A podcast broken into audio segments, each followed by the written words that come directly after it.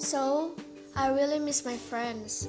I miss learning together with them, going to the cafeteria together, doing activities together, singing together, telling stories, and many other things that we can do together.